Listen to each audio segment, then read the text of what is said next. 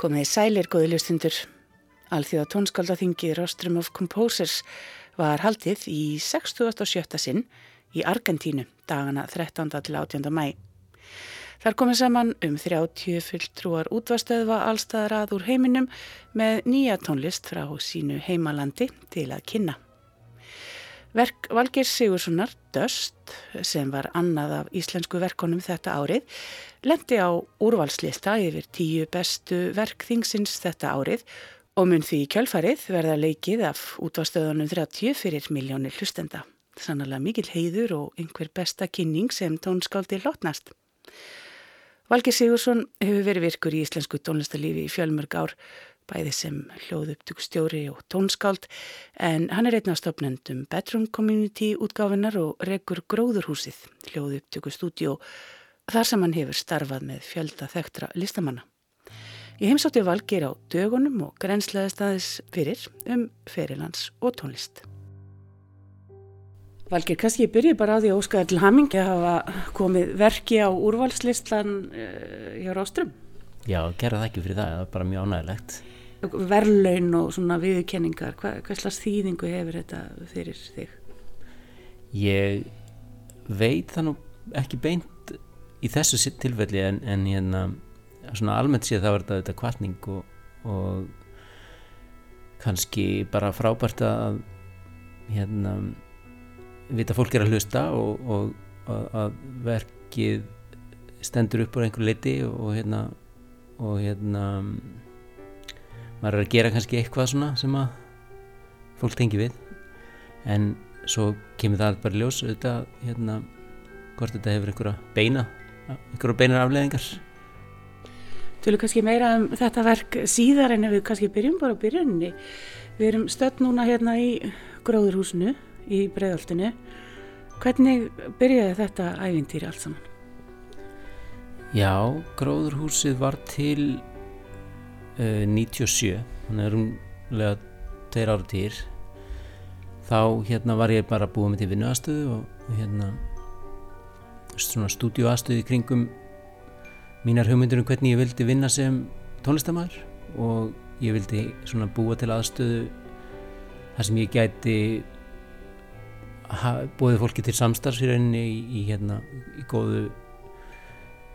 svona tæknilega velbúnu stúdiói og, og þetta, er, þetta er á þeim tíma þar sem að tölvunar eru kannski að svona byrja að verða eitthvað gaglegar í, í hérna hljóðvinnslu. En er ennþá að taka teipa þessum tíma og, og þannig að þetta er um svona stúdjó aðgengi er miklu svona takmarkar heldur en kannski fólk hérna á vennist í dag og og í rauninni þú, þú þurftir að, að hafa aðganga ákveðnum græjum eh, rauninni sem að kannski á þeim tíma voru ekki, það var ekki mjög víða hérna og, og ég var búin að vera að læra hljóðupptökur og ég var búin að læra tónlist og ég var búin að vera svona að velta fyrir mér hvernig, hvernig maður geti starfað sem tónlistamæður og eitt af það sem ég hafa mikið áhuga að vera það er að vera í samstarfi við alls konar tegundir af tónlist og tónlistastefnur og tónlistafólk frekar en endilega að vera í hljómsveit og, og einn blína einhver ákveðna eina tegundatónlist þannig að þetta svona heitlaði mér mikið stúdjó umhverfið og eiginlega varð niðurstaðan svo til þess að geta lært almennilega á það þegar þetta maður að hafa bara fullan aðganga í allan, allan, allan hérna, daginn, allan sólurhengin sko. og þannig ég fyrir að sapna mér, sapna mér græum og, og komið ágættis hérna, ágættis sett upp svona þannig að ég fann mér hérna, húsnaðið hérna på smiðjuvegi. Síðan fyrir ég að leta kringum mig og þar, þar koma bara fullt af skemmtileg verkefnum og fullt af skemmtileg fólki og, og hérna og, um, ég byrja bara að já, vinna með alls konar alls konar hluti og, og hérna síðan fyrir ég að leta mér að húsnaði upp úr 99 þá enda ég hérna í seljakvarfinu í bregðaldi í, í, í reyni hverfi sem er frekar einstakt á því leiti að það er er nokkur hús sem eru byggð sem vinnustofur með hérna með íbúðarastu líka. Og og hérna eru í hinum endanum á, á þessari lillu götu er, er, er ennþá uppröðulegur skúlturisti Hallstein Sigursson sem að er með þess að sko stækka vinnustofuna akkurat núna. Þannig hann heldur dampi og, og ég hérna hinn í mendanum og, en á millokkar hefur nú, hefur nú, í, hefur nú húsunum verið breytt mikið til íbúður en, en hérna en þetta var sérst upprunnulega hérna skipulagt svona sem svona uh, búa að vinna hérna samfélag. Og þar sérst er ég búin að vera síðan já 99 hljóðveri hérna var tilbúið 2000 og, og hér er náttúrulega bara mikið að því búið að verða til sem ég stopnaði síðan Bedroom Community útgáfina 2007, neða 2005 verður svona fyrstu fræðanum sáða því fyrstu útgáfan 2006 og svo svona já þannig að hérna hérna kemur fólk og fer og vinnur vinnur með mér músík og, og hérna og þetta hús næði hefur unni bóðið upp á svolítið mikið að fylgja svona þróunni hvernig það hefur hvernig, hvernig hérna mitt starf hefur svona þróast og breyst í kringum tíðina mm. og við erum, við erum með þrjú stúdíorinn í húsinu núna og og um, já, fullt af skemmtilegu fólki sem að flæðir hérna í gegn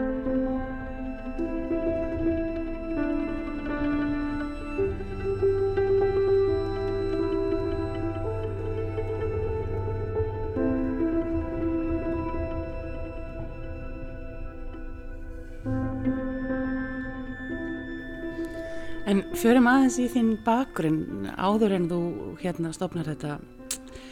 Hver var í raun og veru þinn bakgrunnir í tónlistinni? Varstu, varstu í popinu eða varstu hva, hvar varstu stattur? Já, hvað var að fara langt stattur sko ég byrjaði bara að glamra eins og krakkar gera á hérna, sérstu mín var að læra piano og ég á pianoheimilinu og hérna og ég átti hérna eldri móðubræður sem að voru að spila hérna,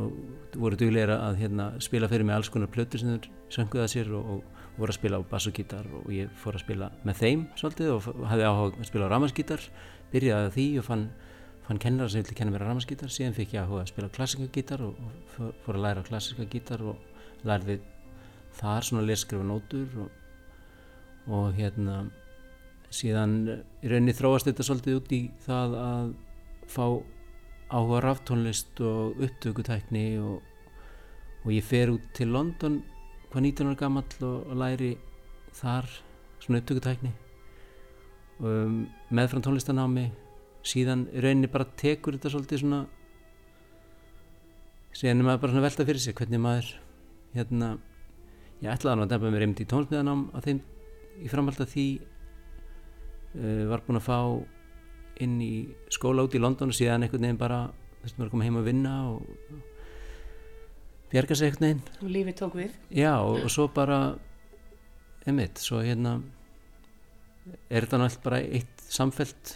nám sko. Finnst þér að hafa breyst uh, svona á þínum já, frekar langa ferli að um, hversu skilin er einhvern veginn að mást út? Það millir tónlistastefna eða um, já, það hefur gert það það hefur gert það og ég held að einmitt hefur vorum að, byrja með Bedroom Community, þá var þetta eitt af því sem að hérna að svona okkur langaði svolítið til þess að að svolítið að, að vera þáttakendur í að íta svona út í kant þar að segja svona skýr, skýr mörg á milli og ég held að þetta hafi verið að gerast í rauninni að einhverju leitaði hvernig fólk hlusta, fór að hlusta á tónlist þegar að, þegar að það fer að hlusta stafrænt er með allt safnið sitt inn í tölfunni og fer að hlusta á og svona þessi playlistar fara að vera til og þú hlustar á hérna allt sem þú rauninni getur komið hefur, hefur einhvern veginn sanga að þér í öfnum höndum og poplög klassíska tónlist þjóðlaga músík uh, einhverja frumbyggja tónlist eða þú veist, bara, þú ítir á sjáfúl og svo bara þetta blandast saman. Og þarna, þú veist svona 2000 og eitthvað þegar iPodin fer að verða svona, þá ég held að það hafi rosa mikið áhrif í rauninni að því að þú ert ekki að setja endilega bara setja í diskofónin og, og hlusta hann í gegn. Svona ferða að stokka þetta fólk verður svona að stokka þetta upp og verða að opna það fyrir þessu sem að áður var kannski mjög afmarkað í plötubúðum. Þetta er klassíska deildin hérna þú fer hérna bak við þetta gler og lokar þið af til þess að enginn sjáinn þú sést að skoða hérna óperufæslu upptöku. Þannig að hérna það er svolítið svona og, og, Einmi, það, það var alltaf, var alltaf lokað. af klassiska Já, deildin, já. það er það var alltaf svona bak við gler og það er svona það, það var það var hérna fór fólk inn í, í ríkfrökkum og kannski stakk inn á sig diskur svo liti bara á og fór nú heim og hlustaði í einrúmi sko. en, þannig að það opnaðist held ég daldið í þessu og, og, og, og náttúrulega auðvitað meira og meira eftir því sem að fólk fyrir að nota streymisveitur og svona. Þannig að okkur fannst bara mjög eðlilegt að, að hérna, tónlistamenn sem að veist, koma að vinna, þeir eru að vinna í, ýmsum geirum. Og það er líka reyndar svona daldið íslenskt líka held ég. Það er að fólk kannski vasast í mörgu og það er ekkit endilega mjög ef þú ætlar að lifa sem tónlistamæður þá þarftu svolítið að hafa eirun og augun opin og bara hausinn svona svolítið tilbúin til að stökkva í, í hérna, hitt og þetta. Og ég held að það geri ákveðið svona til þess að hjálpa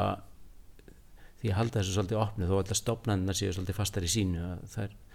þá, er það, þá, þá er miklu meiri gróska heldur en kannski kemur fram þar Svona þegar maður lítir í baksinspeilin þá hefur kannski Björk haft meiri áhrif heldur en að maður hafi ímyndað sér einmitt á þessum í þessu að má út skil. Já, alveg tímalöst um, með því að til dæmis að leita í hljóðfæraleikara úr ímsum áttum og, og, og áhrif úr úr hérna ég bara alls konar tónlist bæði austræðni og vestræðni og, og hérna og taka inn já nýjasta dæmið er náttúrulega flötu kórin já. og ég minna við vorum að vinna í, á sín tíma ég náttúrulega veist, að vann með hennis frá já, 99 byrjuðum við að vinna í, í Dance in the Dark myndinni og, og Selma Songs plötunni. Og það var svona samstarf alveg fram eftir já, 2006 og það er náttúrulega þetta reyndi maður margt svona mikið af tilunum í þessum uh, í, þú veist með til dæmis að fá inn já, kór og hörpuleikara og, og uh, þetta er bara já, þetta er örugglega bara örugglega að skila sér ímsu liti. Train whistles, sweet clementine,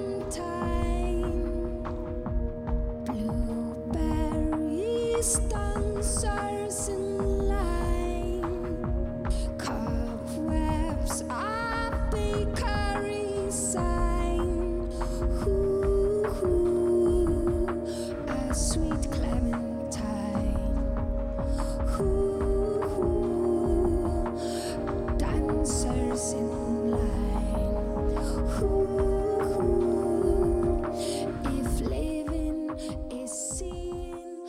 og svo svipa með eh, líka þína félaga, vinnu félaga eh, sem þú eru unni mikið með eins og Ben Frost og Nico Mjúli þetta er svona,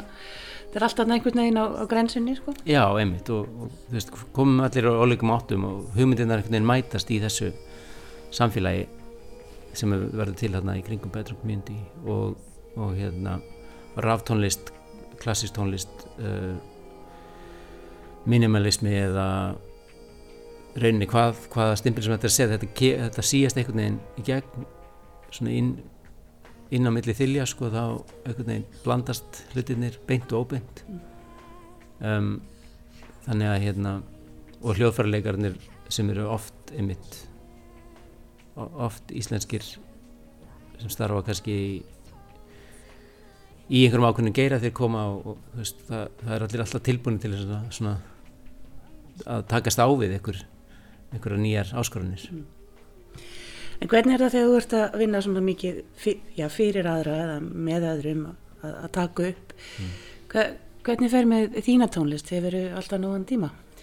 Nei, þetta er nú eitt af því sem hefur svona bara meðvitað þurft að breyta svolítið mikið. Ég bara hef um, og er svona á, ákveðnum svona stað núna sem að ég rauninni er mjög lítið að, að taka að mig verkefni fyrir aðra. Ég einbetri mér be- be- mest að- að minni músík og og því sem að við kemur betrungum indi það er, það er hérna eins og einn í stúdíun núna, þú sér fullt af mikrofónum og það er, við erum að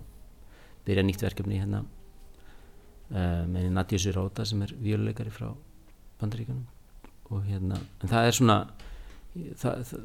svona utan aðkomandi verkefni eins og ég kalla það svona, svona þau eru þeim fer mjög fækandi sem ég tek að mér og ég eiginlega bara ég er eiginlega bara nánast hægt þú veist, ég þarf ekki alveg að segja en þú veist, ég bara, það er eitthvað mikið til að ég, að ég svona íti öllu öðru til hliðar og, og hérna, geri það en, en það, það, ég er svona rægt að það sem að, að það sem að við svona er svona milli okkar innan betrungumjöndi það er, ég líti á það svona sem, sem mitt eigið þú veist að einhverju leiti líka þannig að hérna maður svona setur öðruvísi eða allavega ég hef svona með tímanum bara þurft að þurft að svona maður gerir sér grein fyrir maður getur ekki gert allt. Og hérna ég svona mér finnst því mér finnst því verið að ná ákveðinu svona já hvað ég segja það, það, fyrir mig hefur þetta alltaf þetta alltaf snúist mikið um eins og ég sagði að þetta er bara svona endalega skóli og svona þegar maður er kannski hættir að, að kannski finnst maður að vera að bæta við sig að, að læra þá, þá kannski fara hlutni fyrir mitt leit að vera minna spennandi. Og ég, mér finnst bara núna og ég hef bara stýrt upptökum að ná mörgum hlutum fyrir aðra. Ég, ekki, ég fá ekki mikið meira út úr því á þessum tímum úti Nefn að það kemur eitthvað sérsta til. Já, svo er þetta einmitt alltaf hérna, snýstu þetta alltaf um, um fólk og, og hérna og, og spennandi hugmyndir þannig að maður er alltaf opinn fyrir samtalenu sko. En, en hérna en svona ég reyna að komast lengur og lengur inn í minn eigin haus með það að, að hérna að vera bara að búa til minn eigin músík. Það var alltaf, það var alltaf planið. Það var svona, einhverjum árum síðar það, var, það er það kannski að verða ofan á svona. Mm. en, en, en það var eitt af því sem að sem að var kvartningin að því stopnaði útgáðuna sem að var svo þetta gríðarlega vinna að koma henni í, í form að, að hérna, rauninni geta stýrt svolítið meira verkefnunum og, og, og hvaða mínar áherslu liggja í músík og, og hérna því að kannski tæknilegi hlutin hann, hann heitlar mig ekki einn og sér. Þetta snýst alltaf fyrir mig snýst þetta alltaf um sköpunina og um, um hérna svona þetta kreatífa ferli og samstarf sem að, að sko tækninu var eiginlega í rauninni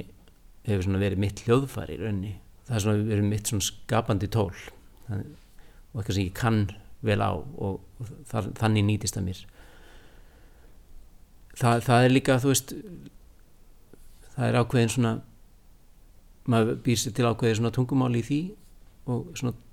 svona tólkunar uh, aðferðir.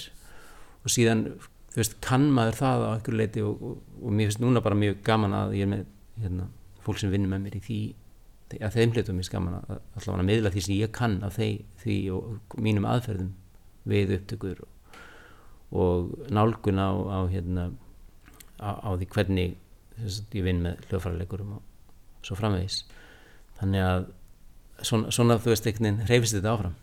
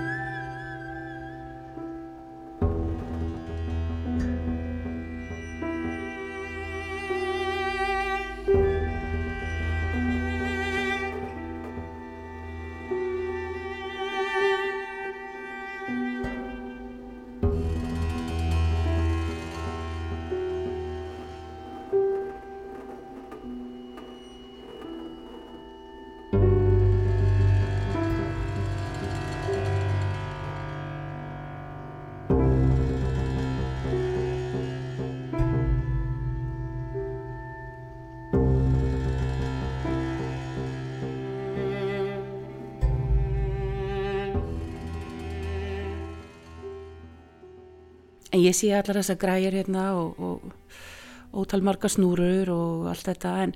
þetta hlýtur náttúrulega líka að vera um, það stöðvast ekkert. Þetta, þetta hlýtur að vera alltaf uh, í, í þróun þessi, þessi tækni og hlýtur alltaf að vera að koma ný og ný tækni. Þarf þetta ekki að fylgja svolítið mikið vel með? Jú og nei, sko það er ákveðin hérna, það er ákveðin svona hluti að þessari tækni sem að um, sem breytist ekki droslega mikið og, og við höfum rauninni og, og það er einhvern veginn einhvern veginn vegna þá þegar upptökutækni þróast svona í fjölrás upptökur og, og, þess, þessi hlutir fara að verða svolítið spennandi í, í, hérna, í möguleikunum sem hægt er að gera í þá, þá verða ofbúslega mikið af þessum hlutum til og ofbúslega vel sem við erum að nota ennþá. Og það sem er kannski að breytast auðvitað mest núna er auðvitað hvernig tölvunar komin í þetta hvernig, og hvernig tölvunar eru ofta að reyna að koma í staðin fyrir eitthvað sem að sem að hérna já þessi svona analóg græjur ger, gerðu og gera það jafnvel og jafnvel bæti einhverju við og, og svo náttúrulega fyrir utan alla möguleikana sem að það bætir við í sjálfur sér tölvutæknin og, og, og öll þessi nýju um, forrið en það er þessi hérna, það er ákveðin svona fortíða þrá í músika það er þessi bara það er bara og það er svona ákveðin hlutir sem bara breytast eiginlega ekki það er bara í rauninni eins basic eins og bara gott hérna uh, rými sem hljóma vel uh, hljóðfæri sem hljóma vel góði hljóðfæri leikari þar eiginlega, það, það, svo bara heldur þetta áfram keðina, þú veist, góðu mikrofón. Og það er auðvitað, getur verið afstætt hvað, hvað virkar hverju sinni og hvað, en, en svona eins og mitt, ég er svona eiginlega hægt að, kaupa græjur fyrir daldi löngu síðan. Og ég hef engan sérstakana áhuga á græjum sko, sem græjum. Ég ráði hvað ég geta, geta þjóna mér og nýst mér en, en það, ég er ekki svona græju nörd þannig það gemur mér svolítið og Já, einmitt og það er fólk er alltaf þess að því sko. ég hef aldrei einhvern ég hef aldrei einhvern haft áhuga græjun græjuna vegna en auðvitað þú veist er, það heitlaði mig hvað þú veist þetta er að gera með þær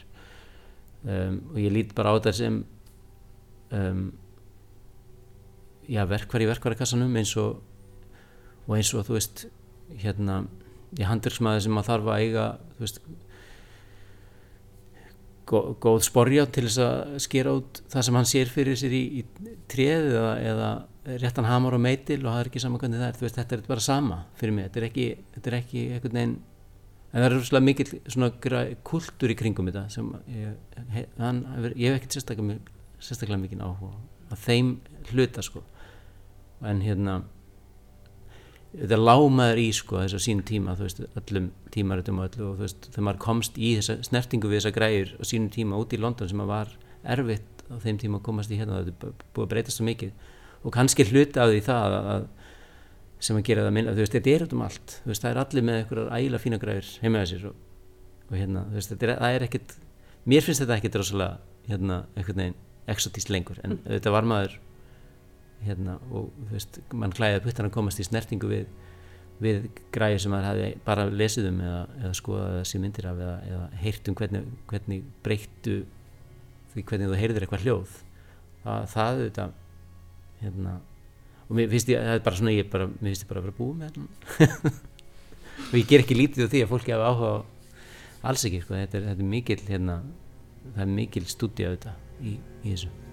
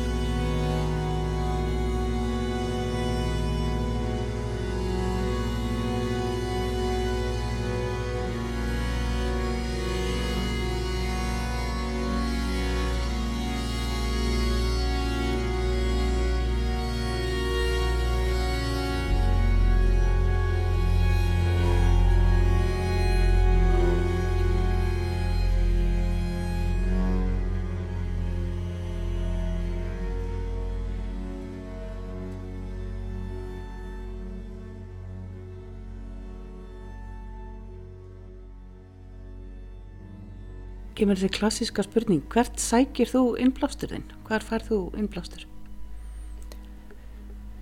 Já, hann hefur bara ge gegn tíðina mjög mikið oft komið út úr uh, samstarfi við fólk og ég hef, ég hef alltaf haft mikið áhuga hljóði og hljóði og hvað er hægt að gera með hljóð og, og, og tónlist sem, sem hljóð og, og upplifun í rauninni og viðbröð við mismunandi samsetningum á tíðnum og hljóðum og,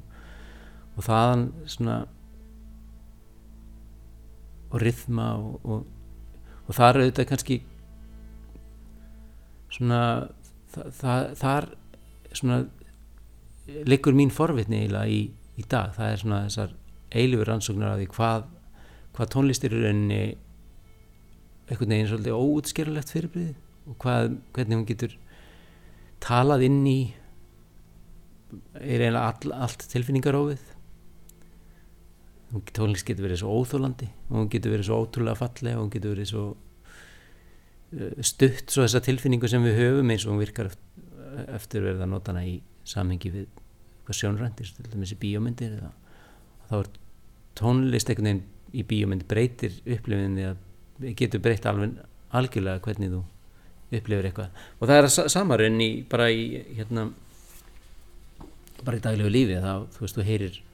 heyrir eitthvað einhver staðar og fólk hefur yfirleitt frekar sterk viðbröð við, við hérna, hljóði eða tónlist, það er óþólandi það er æðislegt, það er fyrir að reyfa sig með eða. þetta finnst mér bara óendanlega skemmtilega rannsókn. Og þá getum við leitt inn í uh, næstu spurningu sem er verkið eitt uh, döst og það er einmitt kannski það sem kemur mjög skýrt fram að, að það er þessi mikla tækni og samstarfi frábæran tónlistamann. Segð okkur aðeins frá, frá þessu verki. Já. Já, sem sagt Daniel Pjóró, sem sagt fyrirleikarinn í verkinu og hann hérna, hún kynntist ég fyrir nokkrum árum síðan. Þá kom hann einmitt hérna inn í verkefni sem ég var að stýra plötu með breskisvengunni sem heitir Sassa CM hann kom sem hluti af strengjakvartetunum hennar og, og við svona náðum saman á einhverjum, einhverjum plani og, og þetta er 2010 kannski. Og við við svona skildum og leiður skildastelum þannig bara, heyrðu við gerum eitthvað einhvern tíman og hérna þannig, þú veist, verða nú hlutistundum til.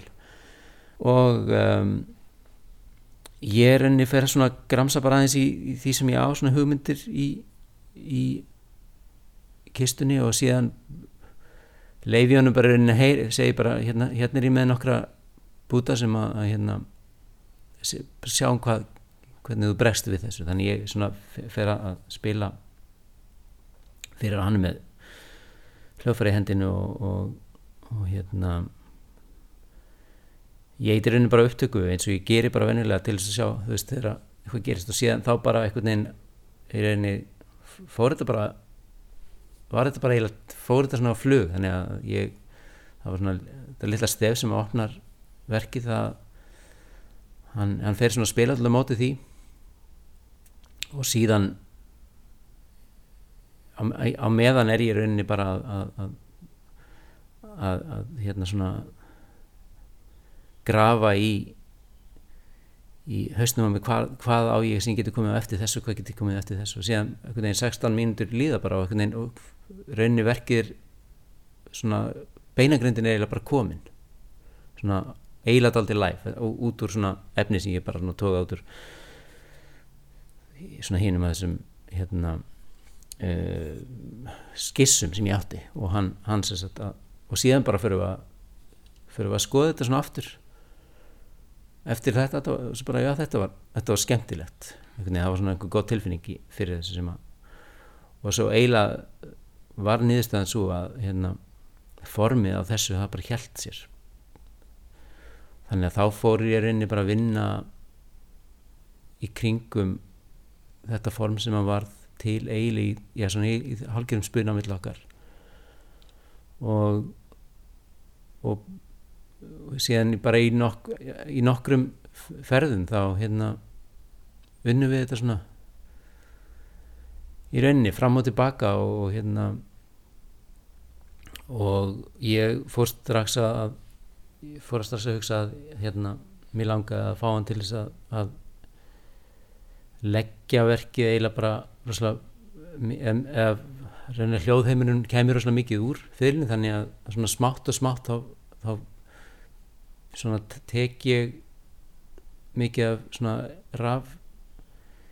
eða svona slatti af þeim verði bara ég, ég reynir bara að spila um þennan kapla hérna sem að er, er svona veist, á fyrirlin og svo tek ég hana og, og vinn með hljóðið í henni og síðan brest hann henni aftur við því og þannig verður þetta svolítið hérna í rauninni frekar svona organist ferli og, og, og bara svona ég veit aldrei tíma á þetta eins og mér veist svona hlutir alltaf þurfa að fá tíma einhvern veginn til þess að hérna það er alltaf ótrúlega hérna, dýrma þegar maður hefur í rauninni hljóðfæraleikaran um, svona maður getur eiginlega bara að prófa nánast live sko, hugmyndirnar því að hérna grunn, grunnurinn er einu þetta fyrsta sem ég spilaði þetta var, þetta voru drög að, að hérna, verki sem að ég ætlaði að skrifa fyrir annan hljóðfæraleikara. Og hérna og svona byrjun af fyrsti kaplinn er eiginlega alveg það, það verk sko. Og hérna og það, það bara einhvern veginn það enda aftur í skúfinu út af því að það, það samtala einhvern veginn fór ekki flug. En þarna gerði það og, og hérna og mér fannst bæði sko mér fannst svona það sem að gerði þetta að spennandi verki fyrir mig að mörguleiti var það að það var svo, það var svo mikið samtalið í reyni og hérna og reyni hvernig um, svona reyni lítil fyrir eða einhvern veginn já, þetta var svona skemmtilega, þetta flætti skemmtilega bara af, af, af svona fingurum okkar begja Svona marglaga verk, svo er það frumflutt þarna á tónlistarháttið uh, Rásar 1 og svo fer það á Rostrum og kemst þar á úrvalslista og, og ég leiði þær að heyra umsögn portugalska fulltrúan sem talar um þetta verk sem eitt af því mest spennandi sem hann heyrði af þessum 47 verkum. Og að þetta verk einhvern veginn um, bæði tengi við fortíðina og, og, og tengist fram í því sem koma skal. Já, það er mjög skemmtilegt að heyra það því að hérna um, ég, fyrir mig í rauninni virkar það svolítið eins vegna þess að þetta hérna, þetta tengist ákveðnum hlutur sem ég hef verið að starfa við í minni músík og svona rannsóknir sem ég hef verið að gera í, í, í samruna hérna eh, raftónlistar og akustískra hljóðfara og, og, og síðan bara tónlist sem tónlist. Um, og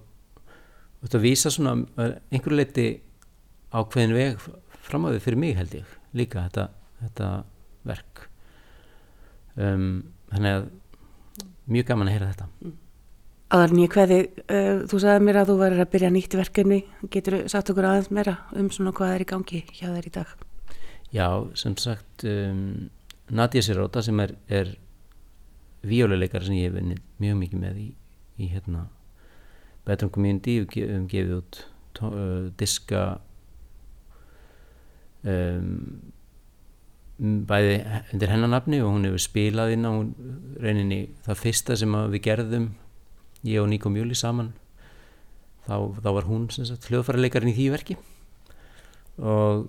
við hefum átt náið samstarf í mínu verkum og, og tónleikum og í ymsum í ymsu samingi hún hérna er að ta taka með sér núna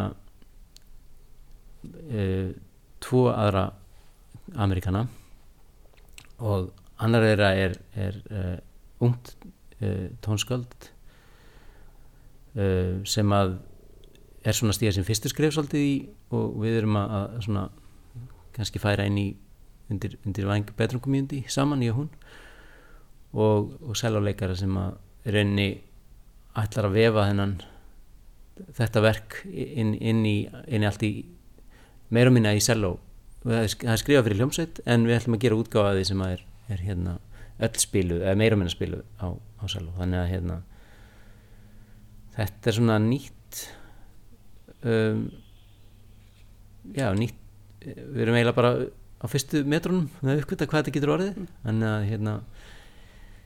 ég er þetta mjög spenntið fyrir því. Nýtt marglaga verk. já, nýtt margla verk og, og, og sem að einmitt það sem að, að það sem ég get miðlað inn í það er náttúrulega bara mín reynslaði að hafa gert